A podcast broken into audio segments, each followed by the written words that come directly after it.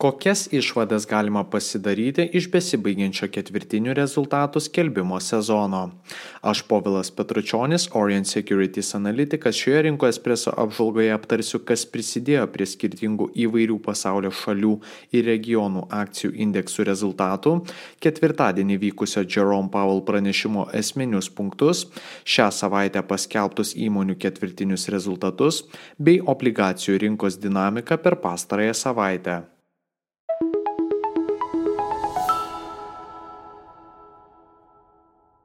Svarbiausi praėjusios savaitės įvykiai. Junktinės Amerikos valstijos. Vanagiškas Jerome Powell ir kritusi JAV išdo obligacijų paklausa. Nepaisant augusių JAV išdo obligacijų pajamingumų ir dviejopų Jerome Powell komentarų, JAV akcijų indeksai fiksavo teigiamą pokytį. S&P 500 kilo apie 1,3, Nasdaq 100 apie 2,4, o Dow Jones 30 apie 0,7 procento. Per savaitę, kuri nepasižymėjo makroekonominių duomenų skelbimų, investuotojų dėmesys dar siek buvo atkreiptas į Fed pirmininko Jerome Powell pranešimą vykusį ketvirtadienį.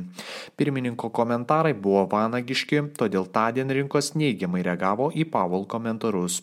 Rinkai įsisiubavus ir pradėjus svarstyti dėl galimo palūkanų normos mažinimo, Powell gražino šnekas apie galimą palūkanų normos tolimesnį kėlimą, jeigu tik to prireiks. Bendras Fed pareigūnų tonas vis dar atrodo atsainus, kalbant apie galimus palūkanų normos mažinimus, kadangi infliacija yra vis dar aukštesnėme lygyje. Santykinai didelę įtaką rinkoms turėjo JAV išdo 30 metų trukmės obligacijų aukcionai. Nors didžiąją dalį savaitės obligacijų pajamingumai traukėsi, ketvirtadienį po 30 metų trukmės obligacijų aukciono, kuriame paklausa buvo silpniausia per du metus, skolos vertybinių popierių pajamingumai pradėjo aukti. Investuotojai pastaruoju laikotarpiu aktyviai seka, ar išaugus vyriausybės skolinimosi mastams ir poreikiui, paklausa obligacijoms rinkoje gali išlikti aukštame lygyje. Per savaitę JAV išdo 10 metų trukmės obligacijų pajamingumas atšoko iki 4,65 procentų lygio. Taip pat per šią savaitę pasirodė žinios apie tai, jog ilgojo laikotarpio infliacijos lūkesčiai išaugo iki 3,2 procentų. Tai yra aukščiausio lygio nuo 2011 metų. Tuo tarpu JAV statistikos departamentas pranešė apie per rugsėjo mėnesį keliais milijardais išaugusi priekybos deficitą, siekusi 61,5 milijardus JAV dolerių. Iš atskirų įmonių šią savaitę ir vėl galima išskirti didžiasias technologijų bendrovės. FANG indeksas įtraukiantis Meta, Apple, Amazon, Netflix ir Google per savaitę kilo apie 4,3 procento. Reaguojant į VTI rūšės naftos kainos apie 4,4 procentų kritimą, silpniausią pasirodymą tarp sektorių demonstravo energetikos ir komunalinių paslaugų industrijos, kurios susitraukė nuo 2 iki 3 procentų. Europa - stabilus eurozonos ekonomikos silpnumas ir diskusijos dėl palūkanų normos. Skirtingų Europos šalių akcijų indeksai fiksavo išsiskyrusius rezultatus. DAX kilo apie 30 procento, CAC 40 susitraukė vos 300 procento, o FUCI 100 krito apie 0,8 procento. Europoje šią savaitę taip pat buvo sulaukta komentarų iš Europos centrinio banko prezidentės Christine Lagarde, kuri pareiškė, kad gali prireikti daugiau nei dviejų artėjančių ketvirčių, jog būtų pradėta mažinti mažinti palūkanų normą. Reaguojant į Europos centrinio banko planus laikyti palūkanų normą aukštai ilgesnį laikotarpį, Europos obligacijų pajamingumai augo. Vokietijos išdo 10 metų trukmės obligacijų pajamingumas atšoko iki 2,71 procento. Makroekonominiai duomenys toliau žymė eurozonos ekonomikos silpnumą. Mažmeniniai pardavimai per rugsėjį susitraukė 30 procento, o Vokietijos pramonės produkcija per rugsėjį krito 1,4 procento. Tuo tarpu paaiškėjęs Junktinės karalystės BVP pokytis žymėjo geresnį nei tikėtasi ekonomikos pasirodymą. Rugsėjo BVP mėnesinis pokytis siekia 0,2 procento, kuomet analitikai tikėjosi, jog BVP lygis išliks nepakitęs. Pagrindinėmis prieaugio priežastimis buvo inžinierijos industrijos plėtra, išaugę sveikatos priežiūros sektoriaus pardavimai ir leasingai. Taip pat Junktinėje karalystėje išsiskyrė Centrinio Anglijos banko pareigūno Andrew Bailey pareiškimas, kad šiuo metu yra pernelyg anksti svarstyti ir spekuliuoti apie palūkanų normos mažinimą, nors rinkos dalyviai įskaičiuoja palūkanų normos sumažinimą jau kitų metų rūpjūčio mėnesį. Europoje atskiri sektoriai neišsiskyrė, tačiau kelios didžiosios įmonės demonstravo augimą. SAP SE akcijų kaina kilo net 4,3 procento, Deutsche Börse 4,6 procento. Prastą pasirodymą fiksavo Junktinės karalystės žaliavų kasybos įmonės. Rio Tinto smuko apie 1,3 procento, Anglo American PLC apie 8,6 procento. Azija. Kinijos ekonomikos nuosmukio ne pabaiga ir Japonijos jenos kritimas. Azijoje Kinijos ir Japonijos akcijų rinkų rezultatai reikšmingai išsiskyrė. Japonijos Niki 225 indeksas šią savaitę kilo apie 2 procentus, tuo tarpu Hongkongo indeksas Hang Seng, nepaisant pozityvios savaitės pradžios, susitraukė apie 2,6 procento. Japonijos jena šią savaitę pasiekė pastarųjų 33 metų žemiausią kainos kursą JAV dolerio atžvilgiu. Prie akcijų indekso augimo reikšmingai prisidėjo gana pozityvūs įmonių rezultatai bei vyriausybės įsipareigojimas išleisti pažadėtą 110 milijardų JAV dolerių vertės stimulo paketą.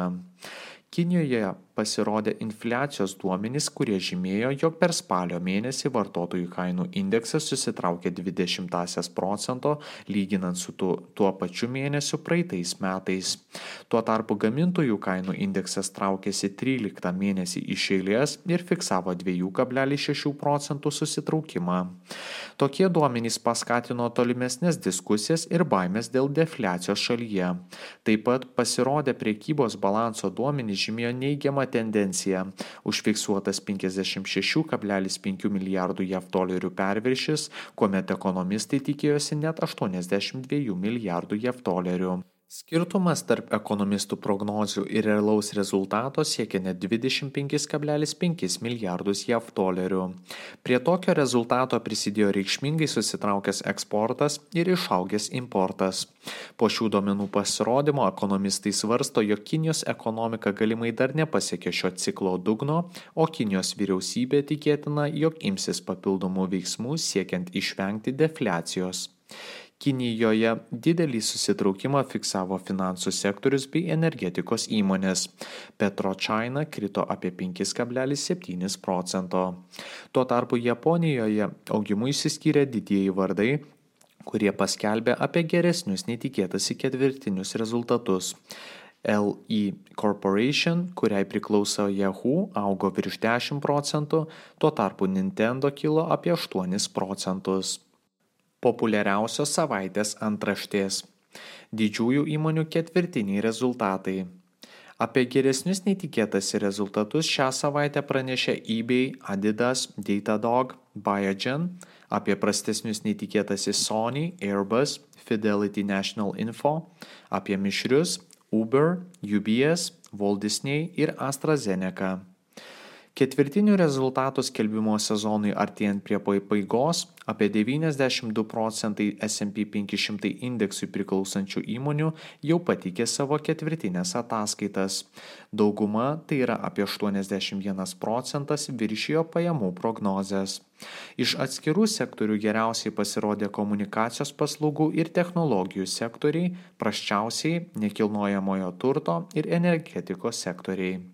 Įvertinus atnaujintas įmonių projekcijas, artėjančių 12 mėnesių price to earnings rodiklis siekia 18, kuomet pastarųjų 5 metų vidurkis yra 18,7, o 10 metų 17,5.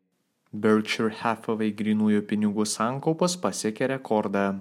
Šeštadienį Warren Buffett įmonė Berkshire Hathaway Inc. pranešė apie savo trečiojo ketvirčio rezultatus, kurie žymėjo apie 13 milijardų JAV dolerių vertės grinuosius nuostolius. Vis dėlto bendrovės veiklos pajamos palyginti su praėjusiu metų laikotarpiu padidėjo kiek daugiau nei 40 procentų ir sudarė 10,76 milijardus JAV dolerių. Berkshire toliau didino savo didžiulės grinųjų pinigų atsargas iki rekordinio 157,2 milijardų JAV dolerių lygio. Grinieji pinigai daugiausia investuoti į JAV išdo vekselius, kurių pajamingumas neseniai išaugo iki 5 procentų.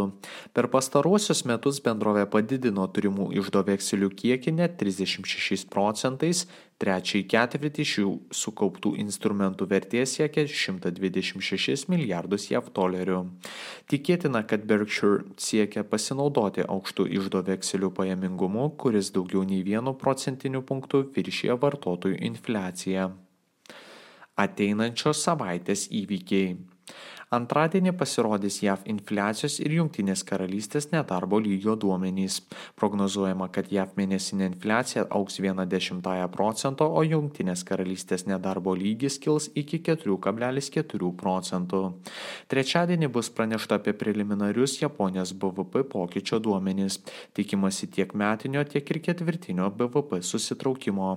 Taip pat trečiadienį pasieks duomenys iš Kinijos. Prognozuojama, kad pramoninė gamyba išliks stabiliai smarkiai auganti, o mažmeninės prekybos pardavimai auks šiek tiek sparčiau.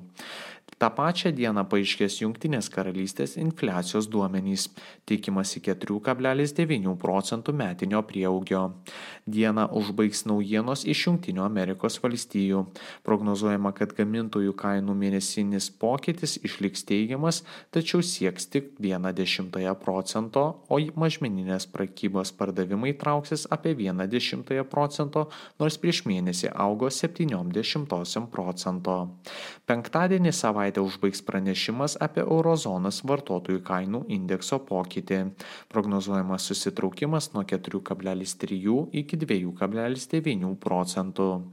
Artėjančią savaitę bus išleisti didžiųjų įmonių pranešimai apie ketvirtinius rezultatus. Pirmadienį pasirodys Johnson Controls ir Tyson Foods, antradienį Home Depot, trečiadienį Cisco, TJX, Target ir JD.com, Ketvirtadienį Walmart, Applied Materials ir Ross Stores. Ačiū visiems klausiusiems ir gražios jums savaitės.